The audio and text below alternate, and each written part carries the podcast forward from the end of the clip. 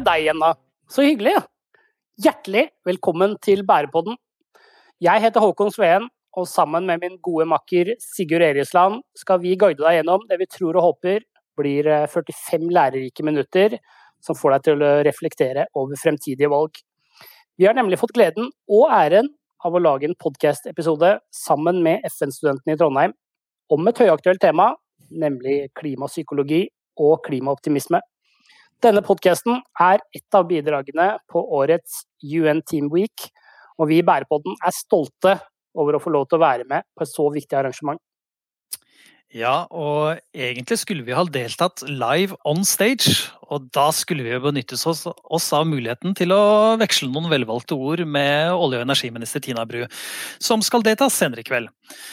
Og for dere da som hører på dette da etter 3. mars, så har hun da allerede snakket. Eh, vanskelig det der med å snakke om det som skjer akkurat nå, når det egentlig skal streames og lyttes på i etterkant. Her blir det innmari mange hensyn å ivareta.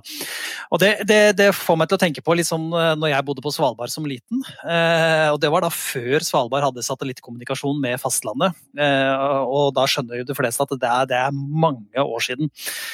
Eh, min fars jobb var da en gang i uka å kjøre til flyplassen og hente en stor metallboks som var proppfull av videokassetter med forrige ukes TV-programmer. Og dette satte han da på en videospiller eh, som broadcastet i hele Longyearbyen to ganger i døgnet. Og vi så da på én ukes gamle nyhetssendinger. Eh, dette var kanskje en skikkelig avsporing i forhold til dagens tema, men av og til så glemmer man kanskje hvor mye eh, som har skjedd de siste årene, også av den positive arten. Ja, det var en, eh, en, avsporing, men det må vi også tillate oss. For dette handler jo nettopp om de store samfunnsendringene som har skjedd de siste årene, og hva det har ført med seg. Klimaendringene er særlig tydelige i Svalbard og nordområdene som følge av issmeltingen i et eh, akselererende tempo. Men eh, sporene blir stadig tydeligere også i andre deler av verden. Og disse sporene er i ferd med å bli åpne sår.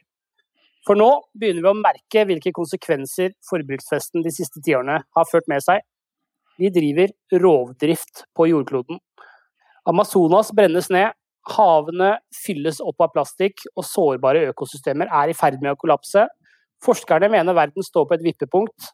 Matjord utarmes, polene smelter, landarealet reduseres og kampen om ferskvannet øker. Og Det er også antatt at eh, koronapandemien stammer fra menneskets interaksjon med ville dyr.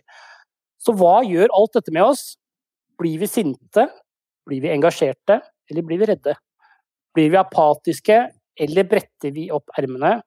Og hva kan vi gjøre med det, da? både kollektivt og individuelt? Dette er noen av de temaene vi skal diskutere i dag. Vi kan vel også da spørre oss om glasset er halvfullt eller uh, halvtomt, som det heter. Uh, for som du ganske riktig tar opp, Håkon, så er det mer enn nok negative ting i mediebildet å fokusere på.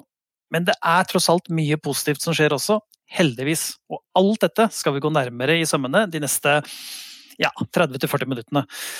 Men før vi kommer så langt, og nå trodde du sikkert at Ida skulle gi dere noen flere food facts.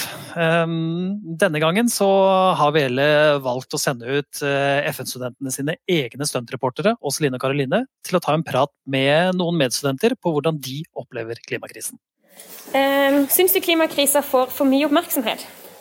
Uh, nei, det syns jeg egentlig ikke. Det er jo uh, jorda vår vi snakker om, og livet vårt og fremtiden. Så det at så få gjør eh, som ikke gjør nok, det betyr jo bare at vi må presse mer på for at folk skal skjønne at det er seriøst. Så jo mer oppmerksomhet, jo bedre, tenker jeg. Anser du deg sjøl som en klimaoptimist eller en klimapessimist? Jeg føler at jeg er nok litt pessimistisk, samtidig som at jeg ikke har gitt opp håpet. Jeg tror at vi kan eh, få til å endre ting. Men eh, hadde, altså, jo tidligere vi begynner å gjøre drastiske tiltak, jo bedre vil det jo bli. Så jeg har ikke mistet håpet, i hvert fall. Eh, Syns du at klimakrisa får for mye oppmerksomhet? Eh, nei, jeg vil ikke si det. Jeg tenker at det er en veldig viktig sak, og at det ikke er overdrevet i det hele tatt.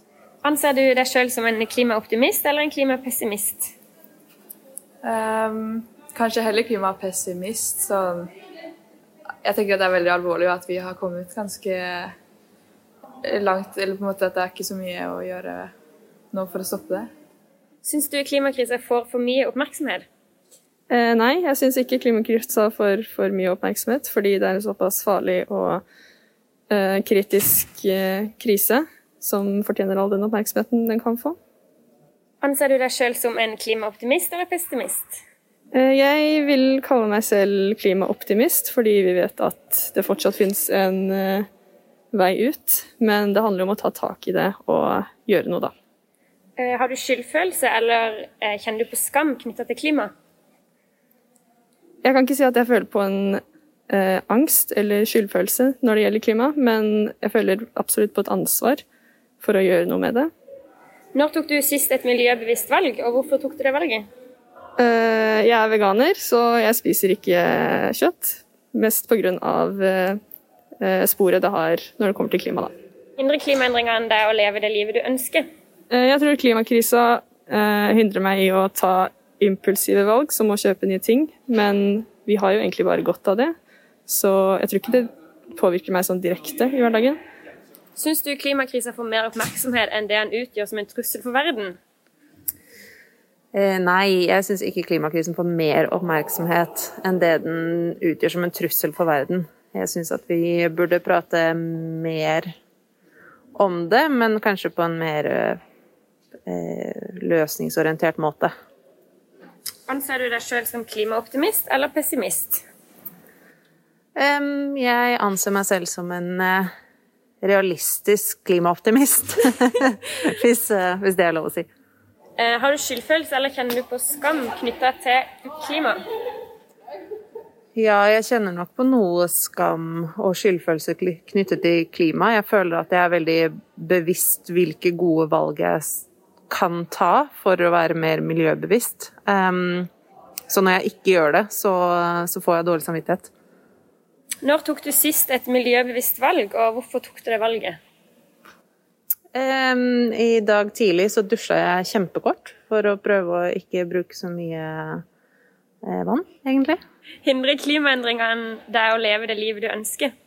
Uh, jeg syns ikke at klimakrisen hindrer meg å leve det livet jeg ønsker. Men uh, det krever at jeg tenker uh, over de valgene jeg tar, og blir mer bevisst. Og egentlig så har det gjort at jeg har blitt flinkere til å ekspandere horisonten min og finne ut andre måter jeg kan gjøre ting jeg liker.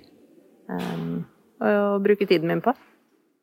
Ja, tusen takk til våre venner fra FL-studentene Trondheim, Åseline og Karoline, for en fin intro om hva dagens studenter, og dermed neste generasjons arbeidstakere og ledere, tenker rundt klimakrisen. Men nå er det på tide å slippe til dagens gjest, for vi har vært så heldige å få med oss forfatter, markedsføringsspesialist og foredragsholder Petter Gulli på laget i dagens episode. Hjertelig velkommen til Bærepodden, Petter. Tusen, tusen takk. Aller først eh, noen ord om deg. Hvem er eh, Petter Gulli? Ja, Han er fortsatt først og fremst en familiefar eh, med tre barn. Og så er han, som du sa, en som har jobbet med markedsføring veldig lenge. Jeg har vel egentlig jobbet i reklamebransjen i over 30 år, eller turboen på forbrukermaskineriet, som jeg liker å kalle det. Men 8.10.2018, da IPCC, eller FNs klimapanel, kom med den rapporten som ga oss tolv år på å nå halvannengradersmålet, eller, eller togradersmålet, men helst halvannengradersmålet, så sa jeg opp jobben min og så startet jeg et mitt eget selskap som heter 12 Years, tatt navnet sitt fra de tolv årene. Og som jobber med å hjelpe bedrifter og merkevarer å ta en tydelig, relevant, relevant og troverdig rolle i det grønne skiftet. Og Der ønsker jeg sånn sett å være sant, en turbo på, istedenfor å være turbo på forbrukermaskineriet, på, på, på, klima og miljø. Og ikke bare, ikke bare da klima, men også natur. Eh, jeg er styremedlem i WWF Verdens naturfond. Eh, jeg er en initiativtaker og forfatter av noe som heter Grønnvaskingsplakaten. Eh, og så er jeg også gründer i noe som heter Resourcer Bio, som er en, markedsplass for biologisk restavfall. Og så er jeg forfatter av bøker, eller i hvert fall én, og en ganske god del etter hvert leserinnlegg om klima og forbruk. Mm. Ja, for, det, for, du har jo gitt ut en bok om nettopp klimaoptimisme kalt Håp. Eh, og Der legger du frem åtte grunner til at eh, vi bør være klimaoptimister. Gi oss en liten teaser av hva som venter nysgjerrige lesere av den boka. Ja, altså, den boka er jo delt i to. Den er delt i brutale sannheter og fantastiske muligheter. Og jeg tror begge deler er viktig. Vi er nødt til å forholde oss til de brutale sannhetene som er der. Vi må skjønne dem og forstå dem. Men så må vi ikke glemme at det finnes en hel haug med muligheter å komme ut av dette her. Eh, og de åtte du nevner er jo eh, en at Utvikling av fornybar energi har virkelig fått opp farta. I dag koster det, eh, har jo prisen på solenergi har gått ned med 85% på ti år. enkeltland og stater har tatt ledertrøya. Det er veldig mange land der ute nå som går foran i det grønne skiftet og virkelig baner vei. Eh, I Europa blå, har det blåst en grønn vind lenge. Eh, da jeg skrev boka, så hadde ikke EU kommet med sin Green Deal ferdig, men liksom, de har virkelig virkelig satt opp farta. Og så er det en viktig ting at vanlige folk begynner å tro på at dette skjer. Folk flest aksepterer at klimaendringene skjer, og de er langt flere enn klimaskeptikerne. Jeg er lei av at klimaskeptikerne får så stor plass. Eh, og Det er, var også da i Siste måling tror jeg var, eller vi fant vel den i 2020 også. Både i 2019 og 2020 så er klima kåret til den viktigste politiske saken i Norge. Det går altså fortsatt over covid-19 også. Og så er det det at unge mennesker spesielt går foran og viser vei, som jeg syns er utrolig inspirerende. Det er mange fantastiske unge, grønne gründere som går foran og skaper nye ting. Og pusher et næringsliv som også har fått opp farta. Altså bare, bare siden jeg skrev den boka, så har utrolig mye skjedd i forhold til næringslivets fokus på bærekraft. Og så er, som jeg var inne på med dette med unge mennesker, altså grønne gründere, men de behøver ikke nødvendigvis være unge, de kan også være eldre, men de er de nye heltene. Det kan bli de nye heltene, og jeg skriver om, jeg kaller dem de nye norske heltene. Og de, Mange av disse endrer måten vi forbruker varer og tjenester på. Og Da kommer vi over i det siste, som også er positivt, selv om det er, går altfor sakte. Det er at den nye økonomien skal være sirkulær. Det skal være gjenbruk, det skal være resirkulering for så vidt, men vi skal også kunne bruke ting lenger, de skal kunne repareres og alle disse her tingene. Og du har jo Sløsesjokket kommet på NRK, det er fantastisk. Og så kommer det mange, jeg er helt overbevist om, altså det er mange på vei, og det kommer til å komme mange flere, lover og regler som hindrer sløsing. Som hindrer at vi kaster ting. Som krever at ting brukes lenger. Så det er veldig masse gode nyheter i forhold til klima og miljø også. Ja. Det er eh, utvilsomt håp, og det er helt klart muligheter. Men likevel så viser det seg at eh, for mange er vanskelig å forholde seg til endringene som skjer rundt oss. Og dermed blir det også vanskelig å agere. Vi skal snakke masse mer med deg, Petter. Eh, men først skal vi lytte litt til eh, Christian Kløkner. Han er professor i sosialpsykologi og kvantitative metoder. Og har et særlig fokus på bærekraftig konsumentatferd og psykologiske faktorer knyttet til klimaforandring. Han bør med andre ord vite et og annet om temaet klimapsykologi, og det skal vi straks få innsikt i, for her er noen velvalgte ord fra professoren. Et ganske nytt fenomen i klimapsykologien er at vi ser at flere og flere mennesker blir påvirket av, emosjonelt påvirket av at det finnes klimaforandring. Bare det å høre om det, bare høre om de store problemene vi står eh, foran, gjør at mennesket utvikler angst, mennesker utvikler uh, sinne. At de blir sint på politikere, på andre som ikke gjør noen ting. Og uh, de føler seg både motivert og lammet samtidig. Og det er en tilstand som egentlig ikke er ønskelig. Altså På den ene siden trenger vi det å se alvorligheten i klimautfordring for å bli motivert til å gjøre noe. Men vi trenger ikke at det tar så mye plass at vi grubler over det hele tida og blir lammet eh, og ikke, ikke klarer å gjøre ting pga. den angsten vi føler. Takk til Kristian. Ja, Petter, du liker å snakke om mulighetene og det faktum at det blåser en grønn vind over Europa, som vi hørte du sa i stad. Likevel hører vi her fra Kristian at det fortsatt er utfordrende for enkeltmennesker å forholde seg til klimaendringene. Hva tenker du om det, og opplever du de samme utfordringene selv? Ja, altså, jeg, jeg, det er klart det. Altså, jeg, det. det. er skremmende. og Hvis jeg sitter og tenker for mye på det, så kan jeg bli deprimert. Men jeg har, jeg, boka mi heter jo 'Håp en praktisk guide for klimaoptimister'. Og, og, og, det å være klimaoptimist det er, er, faktisk et valg. Selv om jeg har blitt utfordret på det av folk som mener det ikke går an. Da. Men jeg mener jo at det er egentlig motsatt. Fordi eh, hva er alternativet, da? Hvis du ikke er klimaoptimist? Da blir du klimapessimist. Ok, Hvis du er klimapessimist og tar, drar det langt nok, så tenker du at ok, det går til helvete likevel, så da trenger jeg ikke gjøre noen ting. Og Da får du nye lister. og Det er, det er jeg kjemperedd for. Så jeg har, jeg har, valgt å være klimaoptimist, men også fordi jeg vet at det er så mye bra. Eh, jeg, men, men det, og det som skjer også når du er klimaoptimist, er at du ser jo mer etter de positive tingene. Så kan man ikke bli naiv. Og tro at alt, at alt er rosenrødt og at grønne gründere kommer til å redde alt sammen. i det hele tatt. Men jeg tror man, når man, man, begynner å jobbe for det, så blir det mer selvforsterkende. så Du jobber enda hardere for at det skal skje, at de positive tingene skal skje. Du vet om dem, og du prøver å bli en motor for å få dem til. Mm. Eh, ikke sant? Og så, er det dette med, med, med akkurat eh, å utvikle klimaangst. da. Altså, hvordan, hvordan, får vi folk med oss på det? Hvordan, hvordan vi, gir vi folk lyst til å være med? For jeg tror Mye det handler om at vi er nødt til å at vi skal gjøre, gi folk motivasjon istedenfor å demotivere dem til å bli med oss i det grønne skiftet. Per Espen Stoknes eh, snakker en del om det, han er også klimapsykolog. og Han sier at vi må for hver dårlig nyhet folk får, så må vi gi dem tre gode. Vi skal gi dem lyst og motivasjon til å bli med. Håp, rett og slett. Mm. Ikke skremme vettet av dem eller gjøre det så vanskelig, men fortell dem at det kommer til å gå bra hvis alle bare vil det. Mm. Og så må vi bringe det nærme Ja, kom an. Nei, jeg bare mm, eh, altså Det du snakker om, altså at, at, at, at, man har eh, eh, altså pessimismen og optimismen på, på, på hver sin side, så tror du vi vil oppleve å se større polarisering framover. Med klimafornektere på den ene siden og klimaentusiaster på den andre. og Kanskje en stor gruppe i midten da, som er mer eller mindre handlingslammet?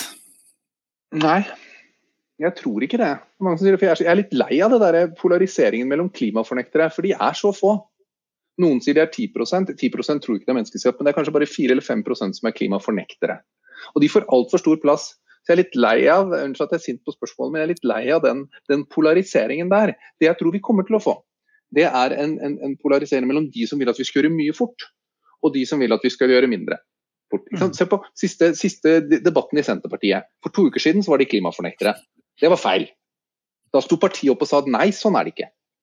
Men, men, men det er forskjell på by og land, det er andre ting. Vi, vi, er, vi er, ikke likte, men vi, vi kommer jo fra naturen for pokker. ikke sant?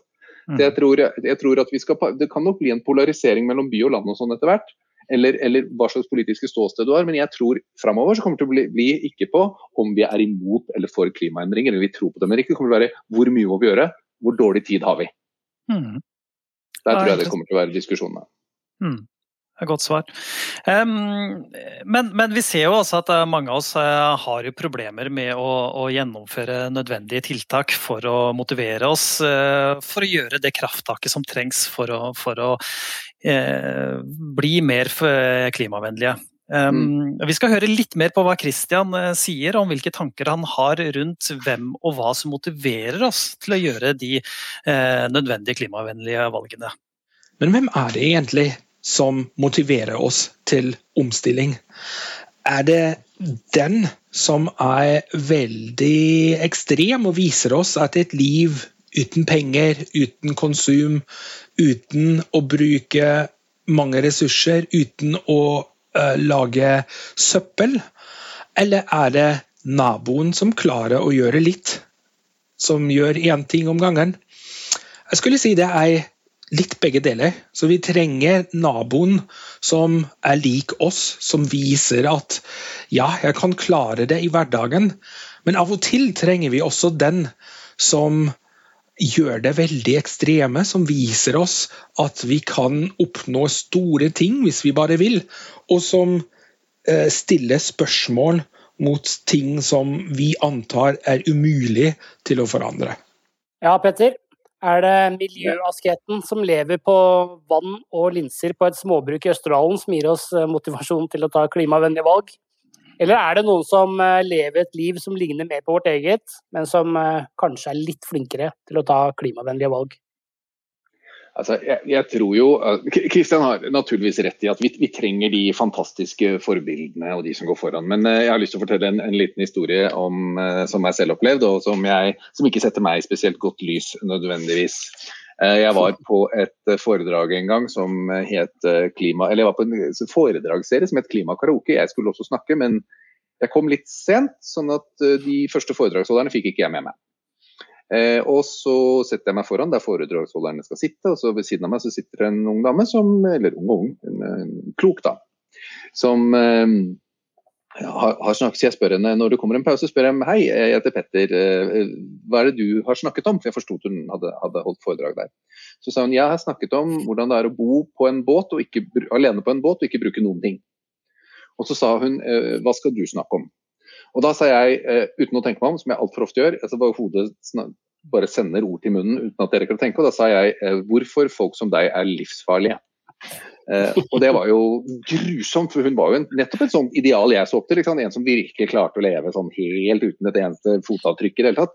Men jeg, men jeg mente det litt også, for de menneskene er jo umulige forbilder for oss.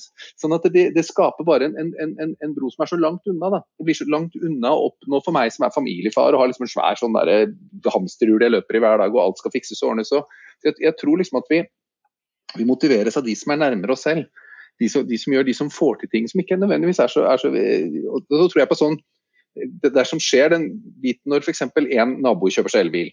Hvis, hvis jeg, jeg, bor i en gate som er ganske oversiktlig, 20 hus. Første elbilen kom, det var litt sånn For noen år siden kom det en Buddy eller noe, og folk rista litt på huet og syntes det var litt rart. Elbil nummer to kommer, det er et ganske stort gap i tid mellom de to første. Mellom to og tre bil i gata er det veldig kort. Og så bare popper opp, og snart er halvparten som har med en sånn der, eh, suksessiv motivering å gjøre, da, som jeg tror veldig veldig på. Når alle innen en krets begynner å gjøre noe, så følger alle andre etter. Og derfor tror jeg det er, og, og Da har vi da en elbilsubsidiering som gjør det enkelt også å få til. Mm. Så, så, så, jeg tror at vi gjør mye ut fra uh, Eller jeg, jeg, ser heller på de som får til de enklere tingene, og ikke gjør det så veldig, veldig, veldig, veldig komplisert. da. Og så skriver du i eh, boken din Håp at grønne gründere er de nye heltene i samfunnet. Hva legger du i det? Nei, det er jo mine nye helter. Nei, det jeg legger i det er at vi, vi, vi, vi trenger noe. Jeg, tror at vi som nasjon trenger noe å være stolt av i framtiden også. Vi har hatt olje. Altså, og, og, og, og, historien om, om, Norge er ikke nødvendigvis egentlig oljeeventyret, det er velferdssamfunnseventyret.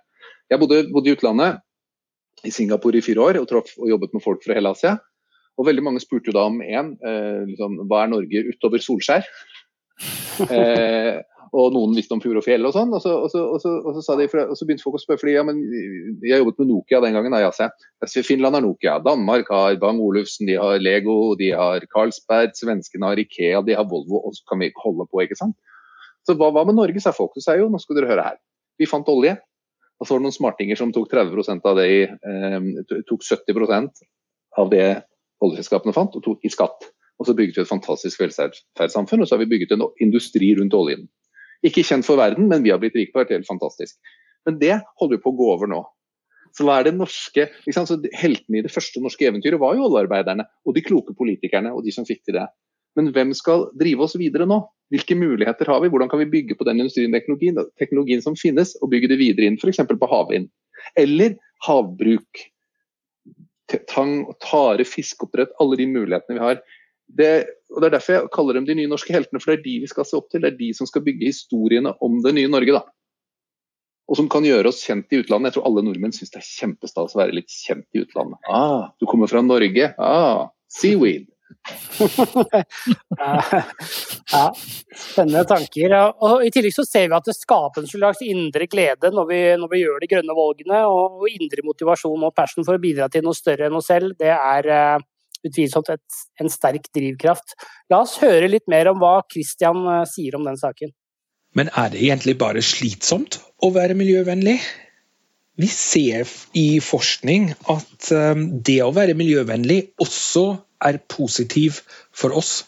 Det gir en bra følelse når vi gjør eh, miljøvennlige ting. Når vi sparer klima, så får vi en sånn varm følelse inni oss. Og det kan også være veldig gøy å gjøre miljøvennlige ting, særlig hvis vi gjør det sammen med andre. Så hvis vi gjør det til en sosial aksjon, hvis vi møter venner, hvis vi gjør det sammen med andre, da blir det gøy. Eller hvis vi gjør det delvis til et spill. Eh, så noen ganger kan du f.eks. konkurrere mot nabolaget for å bli den eh, miljøhelten i eh, februar. Og neste måned tar du det opp på nytt, og så kommer det et element av underholdning også inn i det alvorlige som er omstillingen til klima. Det hjelper ikke alltid, men det kan brukes i noen kontekster. Og særlig det å gjøre, sammen, gjøre ting sammen med andre uh, viser seg til å være veldig viktig for å beholde den pågangsmoten som du trenger for å gjennomføre det i uh, en lang tid fremover.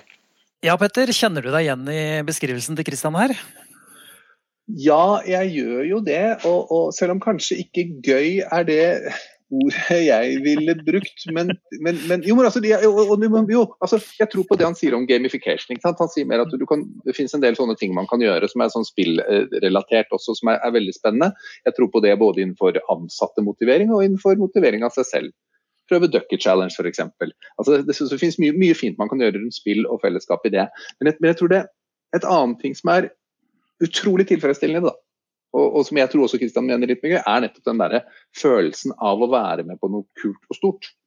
Følelsen at du faktisk bidrar til noe. At du gjennom arbeidsdagen din jeg, jeg, har jobbet med mye rart i livet, men nå har jeg sagt at jeg skal bare jobbe med ting som er bra. Det er jo en vanvittig motivasjon å være med på det og kjenne på det der fellesskapet. Eh, og, altså, jeg, jeg var spiker på klimabrølet. Ikke, ikke, på scenen, jeg var bare han som sto bak scenen og sa og neste ta vel imot uh, Halvdan Sivertsen. Men, men, det å stå bak der foran det havet av folk og kjenne på den der kraften at dette er jeg med på, altså det er utrolig utrolig bra. Fra, fra det store til det lille, liksom. Og, og, og, og, så er det en ting til som jeg syns er gøy. Det er å få lov til å være med og provosere gretne gamle gubber, eller utfordre makta, som for så vidt jeg og en som heter Fred Haug gjorde i går, da vi hadde en artikkel på E24 som het, uh, stilte spørsmål om uh, Equinors sponsing av unge mennesker under begrepet 'morgendagens helter', mens det de gjør egentlig er å ødelegge. Så, så det å liksom kunne få lov til å være en stemme og gjøre noe, og gjøre det sammen med mange andre, få lov til å være med på en sånn podkast som dette her, det er utrolig mer givende enn å bare stå og ta imot lønnspose en gang i måneden. Mm. Litt sånn, eh, ja, Når de sier dette med, med gretne gamle gubber, men, men mange av lytterne her er jo unge mennesker som, som eh, ja. forhåpentligvis skal gå foran og vise, sin, eh, vise vei. Men og, det må jo være besnærende for dem da, å sitte og høre da, på fire middelaldrende menn fra bynære strøk ta for seg klimakrisen? Ja, jeg, jeg har egentlig et veldig kort svar på det. Jeg tenker jeg tror det er bra for at unge aktivister ser at det finnes en del eldre også. for vi, altså Jeg er 56 år. Jeg, jeg, egentlig er jeg ute av alle målgrupper, alt er egentlig ferdig. Eh, men, men, det er viktig å se at det finnes 56 år gamle menn også som har jobba i 30 år med noe som driver forbruk, og bestemmer seg for å gjøre det. Og det finnes mange sånne. Og det, det er viktig å tenke på. Det finnes massevis av klimaaktivister. Og, da, også, og Ikke bare de typiske stedene man ser dem i miljøorganisasjoner, men i næringslivet også så finnes det massevis av klimaaktivister som faktisk er altså Den eldste er kanskje Jens Ultveit Moe. Jeg vet ikke hvor gammel han er. Men det er folk som virkelig har og, og som vilje og tar kosten ved å gjøre det på flere plan. Mm. Så til alle dere unge, det er, mange, det er, ikke sånn at vi ikke hører dere alle sammen. Det er mange som hører dere også. Og så heier vi jo da vilt på de yngre.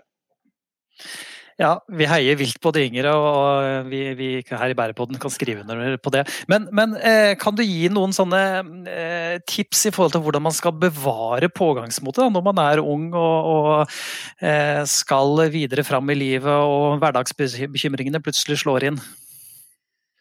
Ja, Hva mener du med hverdagsbekymringer da? Mener du hverdagsbekymringer for klima, eller de alle de andre hverdagsbekymringene som kjærlighetssorg og 'jeg kommer ikke til å klare studiene mine' og Det er for så vidt sånn sett et åpent spørsmål, men uh, ja, ja, jeg kanskje relaterte ikke til kjærlighetssorg, jeg da, men uh... nei, nei. nei, jeg vet ikke hva folk lytterne tenker heller rundt det. Men, men, nei, men jeg, jeg, jeg, tror igjen da, det er til dette her som jeg, har sagt i starten om, om, om klimaoptimisme, altså tro at man må, man må hvis, hvis hverdagsbekymring handler om at jeg er bekymra for dette, her, da, så, så, er det viktig og riktig å kjenne på det. Og så må man mm. prøve å gjøre det man kan selv. Det lille man kan. Mm. Og, og, og, det er viktig, ikke sant. Eh, og det er også en stor diskusjon. Eh, trenger du å gjøre mye som enkeltmenneske, eller trenger du å gjøre lite? Jeg mener jo eh, at det er noen store ting man skal gjøre, og så er det mange små som du kan velge ut fra hva som motiverer deg. Ehm, et annet viktig poeng er, som, mange peker på, er at det må bli enklere å gjøre de riktige valgene. Eh, vi skal gå tilbake til Christian og, og la han fortelle oss eh, noe om de tankene han har rundt dette. For tiden hører vi mye om nudging som et tiltak som kan gjøre oss mer miljøvennlig. Og nudging betyr at vi skaffer oss situasjoner hvor det blir lettvint å gjøre riktig. Hvor på en måte de ting som vi ønsker å gjøre, er de som er enklest å gjennomføre, um, og ikke alternativene. Og Så kan vi jo spørre seg om vi klarer den store omstillingen med nudging. Det er et potensial i nudging, men det er også begrensninger. Fordi omstillingen via nudging den går i små skritt. Og jeg tror at i tillegg til det, i tillegg at vi gjør alle de små ting, så må vi også ha store forandringer, og de krever at vi går mer bevisst til verks.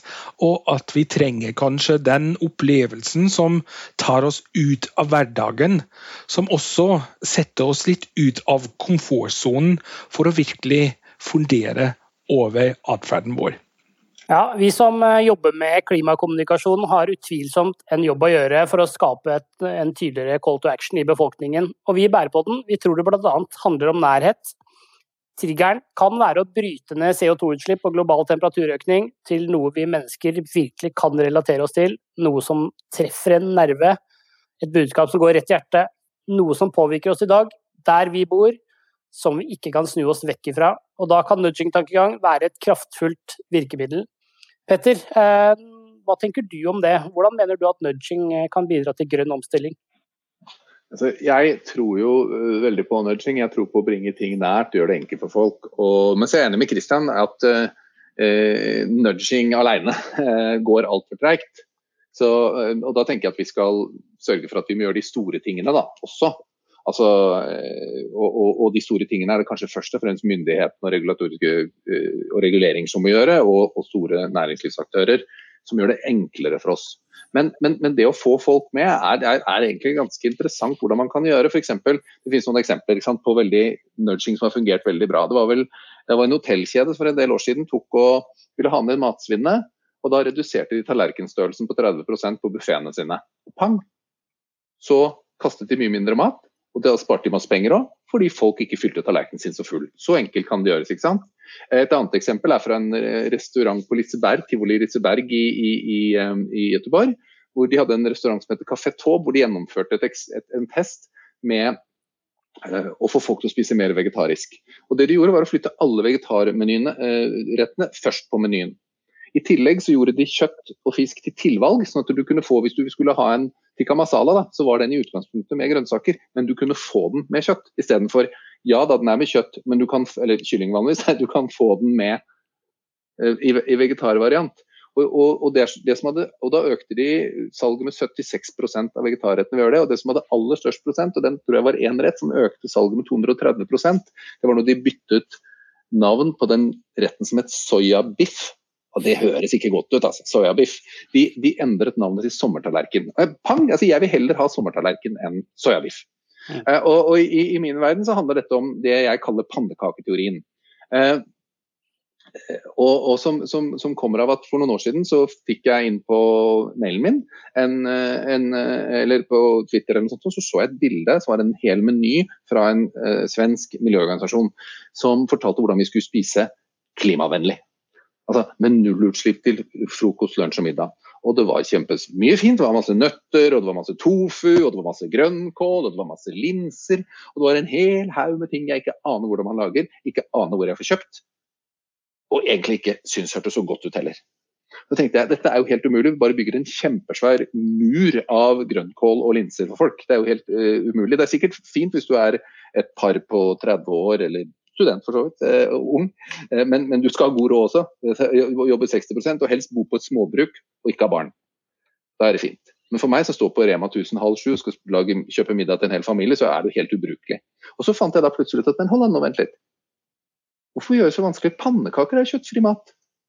Alle nordmenn kan lage pannekaker, alle veit hvordan det lages. Til og med ungene veit hvordan man lager pannekaker. Så slo det meg at jeg har datter på 11, og hennes favorittrette var risengrynsgrøt, pannekaker, tomatsuppe makaroni og fiskegrateng. Det er ikke kjøtt i noen av de. Ok, jeg har en datter på, som er vegetarianer, som en eldre datter som mener at fisk er kjøtt, men det, det tror jeg ikke alle er enig i.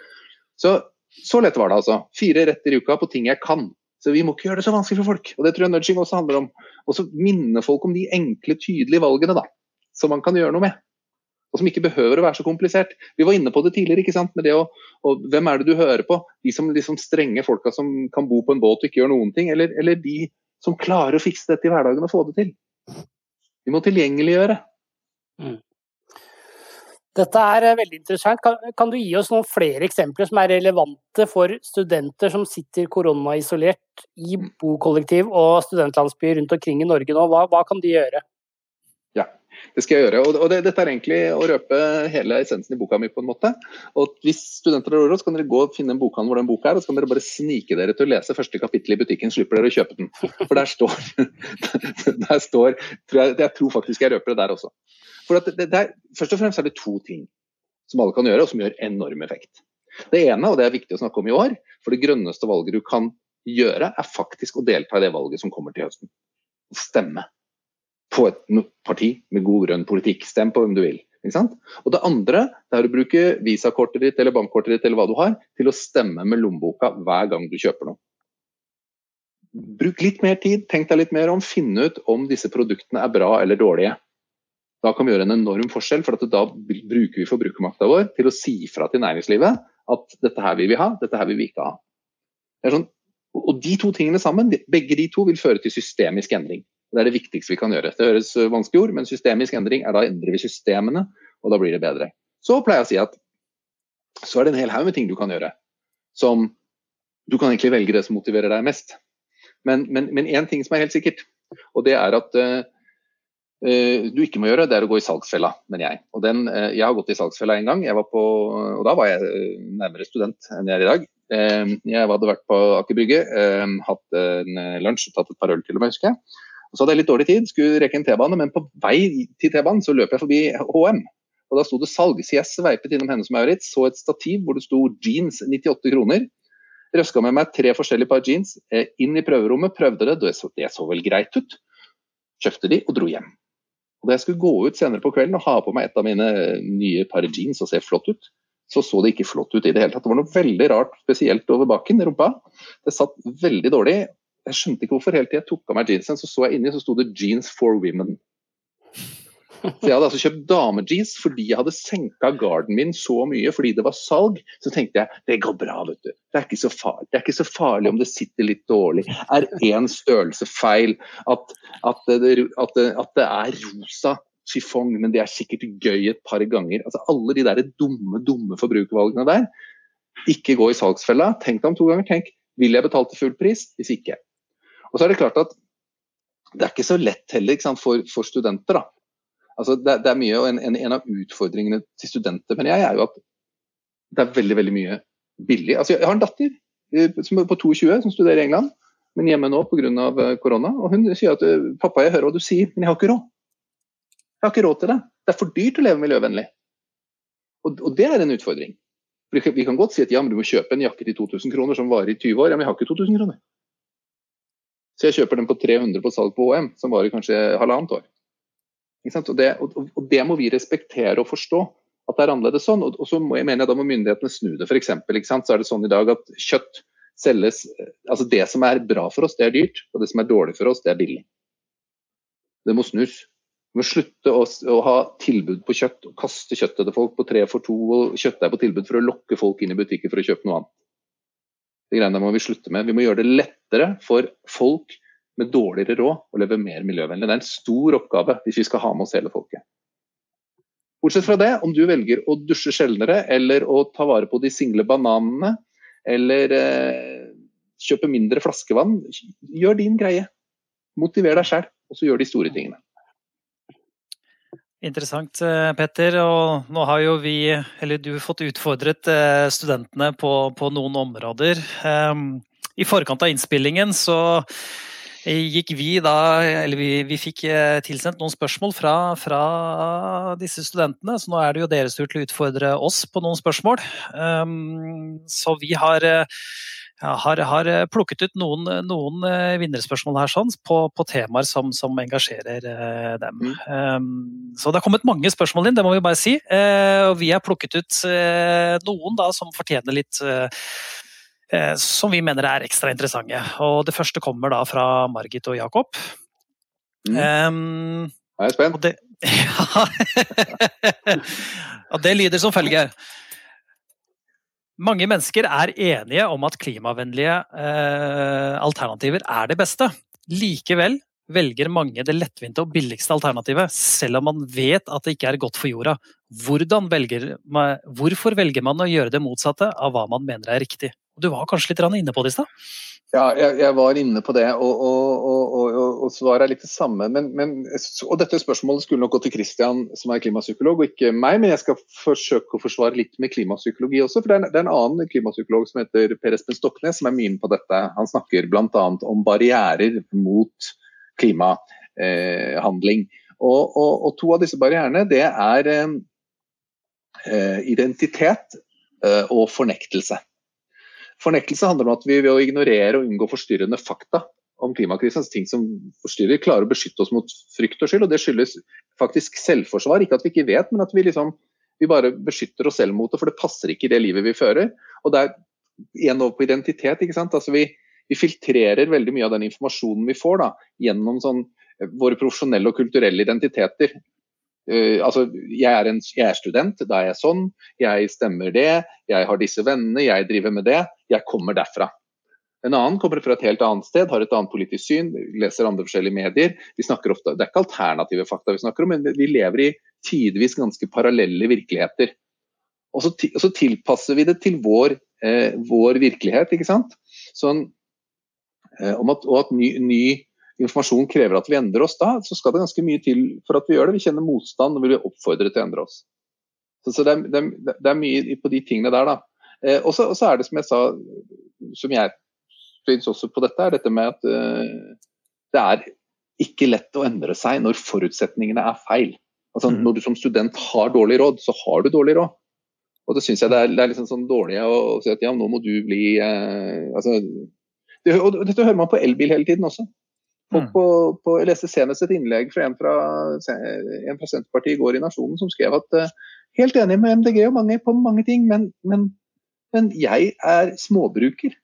Jeg tjener lite. En elbil er totalt uoppnåelig for meg. Og så skal jeg gå rundt og kjøre føle skyld fordi at jeg ble faktisk lurt til å kjøre, kjøpe Ikke lurt, men altså, det er jo ikke mange år siden vi skulle kjøpe dieselbiler, for det var miljøvennlig. Mm. Så, så, så ja. Mm. Jeg tror delvis Og så tror jeg vi velger å gjøre motsatt av hva vi mener er riktig, fordi vi tenker at For det var spørsmålet ditt, Håkon, også. At hvorfor velger vi å gjøre motsatt av det vi mener er riktig? Og det mm. tror jeg også at vi tillater oss av og til. Og så skal jeg unne meg litt, og så skal jeg liksom også tenke at uh, to av ti er greit. To av ti mm. feil, og så er åtte bra. Og det, og, det, og det heier jeg litt på, altså. Vi må ikke bli så strenge. Så ja, er, spør nordmenn om det å fly til utlandet f.eks. Man finner andre argumenter. Har alltid, vi har alltid, med at vi bodde i Asia, så vi har reist veldig veldig mye med familien. Gjort det med barna for å vise dem verden ut fra et ønske om å gjøre dem til verdensborgere. Jeg vet det høres litt cheesy ut, men, men, eh, men, men vi, vi, vi, ville det. Og det er klart at da velger jeg det argumentet. da. Så sier du at ja, men det er, det er, det er, viktig, det er veldig dårlig for klimaet at vi flyr. Så sier jeg, men det er veldig bra for barna jeg, og verden at jeg lærer dem å få et holistisk syn på ting. Mm. Men det er jo ingen unnskyldning for å fly til Trondheim, Bergen og Stavanger, hvor det går tog. Så, så, så ja. Mm. Jeg, vet det, jeg, vet ikke om det var svar på spørsmålet, men eh, det var ikke sagt ting jeg mente, i hvert fall. Jeg tror, jeg tror, lytterne setter pris på å få de innspillene. Vi skal, vi skal, ta oss tid til et spørsmål til fra Maria her, eh, som eh, også kanskje er litt sånn inne på det du snakker om, Petter. Eh, og hun spør rett og slett eh, hvilke kutt kan en vanlig student gjøre i hverdagen som vil gjøre størst forskjell for miljøet? Oh, og vet du hva, Det spørsmålet har jeg Det er kanskje litt frekt å si, men det har jeg nesten ikke lyst til å, snakke, svare på. Og, og, og, altså, jeg skal svare deg, spurte, men, men, jeg tror ikke jeg skal fortelle studentene hva de skal kutte. For her kommer vi til det vi snakket om i sted. Det sitter fire middelaldrende menn i et studio og snakker. Mm. Altså, altså, det må, altså, egentlig så syns jeg at studentene burde slippe kutt. Det. Jeg syns at mm. verden bør legges opp sånn at det blir lettere for studentene å ha et lavere klimautslipp. Men studenter er per har per definisjon såpass dårlig råd at jeg syns det er tøft å skulle fortelle dem hva de gjør. Det jeg kan si er at jeg kunne ønske at alle, også studentene for vi ser ganske, Og studenter er forskjellige, ikke sant? Noen har veldig dårlig råd, noen har bedre råd. Så igjen vanskelig å skyve alle over en, skjære over alle over en kam, men, men det jeg tror alle studentene kan gjøre, det er som jeg sa i sted når vi snakket om å stemme lommeboka, være mer bevisste forbrukere. De kan være mer mm. bevisste. Altså bruke hodet, sørge for at de handler fra selskaper som tar bærekraft på alvor, og så sette krav, da. Ja, men det har jo studenter alltid vært gode på. Sett tydelige krav, og bruk nettverkene deres og snakk om det. Og krev, liksom, hvis dere, hvis dere opplever at på studiestedet deres er noe feil, eller dere opplever at uh, et eller annet merkevare eller noe gjør noe gærent, så ta dem, rist dem. Mm. Men, men jeg syns liksom ikke det er, det er så feil av oss å sitte og si at det er ikke dere som skal kutte, det er vi. Mm. Jeg skal kutte først. Ja, jeg tror jeg og Håkon er med og skriver under på den der, sånn at det er, det er vi som må ta kutta, og ikke, ikke studentene. Um, vi skal ha enda et spørsmål uh, fra Lise her, og denne skal faktisk gå til deg, Håkon. Uh, hvordan uh, vil du definere bærekraft med én setning? ja, da, da, tenker jeg det kanskje kan være på plass å, løfte frem hvordan tidligere statsminister Gro Harlem Brundtland og, og Eh, het vel Brundtland-kommisjonen, definerte bærekraft mot slutten av, eh, av 80-tallet, og som egentlig i høyeste grad fortsatt står seg. og det, skrev vel noe, noe altså En bærekraft, bærekraftig utvikling, det er en utvikling som tar vare på dagens behov uten å ødelegge mulighetene for at kommende generasjoner skal få tilfredsstille sine behov. Så Det tenker jeg det er veldig godt sagt, og det har vel egentlig vært med å som eh, setter bærekraft på den internasjonale agendaen eh, siden. Og mm. de siste årene så, så, så, ser vi at den grønne bølgen vokser, og det, det, er veldig bra. Kan jeg kommentere på den? Det kan du. altså, for du sa ikke noe gærent. Jeg bare tenker på den, den, den, den Brundtland-definisjonen som snakker om setter sine behov. Ikke sant? Der må vi jo, Jeg, jeg syns jo den er veldig, veldig bra. Og så liker jeg den gode, gamle norske bonde som sikkert har vært hos alle bønder i hele verden. egentlig, At du skal overlate gården i bedre stand til neste generasjon enn da du fikk den selv. Fordi det sier noe om enda mer. For det eneste som jeg, jeg tenker på når jeg hører den Brundtland-greia, er at den snakker om eh, tilfredsstille sine behov. Og at de skal få tilsett sine Ja, men hva er våre behov? I dag har vi i vår del av verden eh, en hel haug med det er, det er ikke premiere, sekundær, tertiærbehov engang, det er over det. ikke sant? Vi sitter over spissen på, som en sånn stjerne over Maslows behovshierarki. Så, så, det er noe med det der òg at eh, Hva er da behovene vi skal tilfredsstille? Mm. For, den, ja. for, den, ble skrevet for lenge siden. da man fortsatt, Jeg leste nettopp det en bok i dag i, i 'Verden mot vippepunktet' av Dag Hessen, hvor det sto at denne her kommer fra en tid hvor man fortsatt trodde at økonomisk vekst var det eneste saliggjørende. Mm. Så det. Ja, men uh, viktig og god refleksjon der. Vi uh, nærmer oss uh, sluttsignalet, Petter, men, men, et siste spørsmål. I Bærepotten ja. det er jo en podkast som, som, vanligvis tar for seg hvordan digitalisering er med å bidra til et mer bærekraftig samfunn. Og I slutten av hver episode så stiller vi gjesten et spørsmål om hvem han eller hun mener ligger lengst fremme i Norge når det gjelder å se digitalisering og bærekraft i sammenheng. Og I dag så er det ikke noe unntak, så her kommer det. Hvem eh, mener du er spesielt gode eh, på å se linken eller broen mellom digitalisering og bærekraft i Norge? Hvem mener du fortjener en stor bukett med virtuelle blomster? Og her skal jeg være så sosialdemokratisk, skal jeg være så norsk og idealtid at jeg skal si som Vibeke Sæther da hun en gang mine, som var, ja, Vibeke Sæther, hun drev barne-TV da jeg var liten. Det er det ingen av de som hører på som vet noe om, men hun sa, hun ble i hvert fall spurt en gang om hun kunne kåre en vinner. Så jeg kan ikke kåre vinner, for jeg syns ingen skal vinne noen ting. Men jeg skal eh, svare på spørsmålet ditt. Ja, altså, Beate Nossum, som jobber i byrå som heter Footprint, som også jobber for å få fart på det grønne skiftet, har sagt veldig treffende at digitalisering og bærekraft er eneggede tvillinger. Det hører så tett sammen.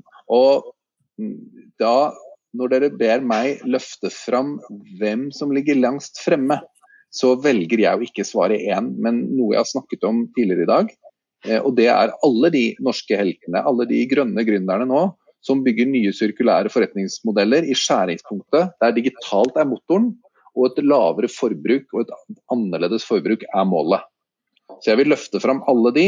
Og de virtuelle blomstene en bukett med virtuelle blomster som dere også har bedt meg i, den, siden, de er, siden, de er, virtuelle, så kan man ta eple C på Mac-en eller hva det er på en PC, så kan man kopiere de. Og så kan man duplisere de uten kostnad. Og da gjør jeg det og gir de til alle de grønne startupene og alle de fantastiske menneskene som bygger det Norge skal leve av i framtida. Fantastisk, Petter. Eh, og mange av de eh, grønne startupene har vi også hatt eh, som gjester i Bærepodden, og flere skal det nok bli. Så dette er veldig veldig spennende. Vi skal nå gå inn for landing. Dette har vært en veldig hyggelig opplevelse for oss, og vi håper at du også setter pris på, en, på, på, på dette. Um, Fantastisk.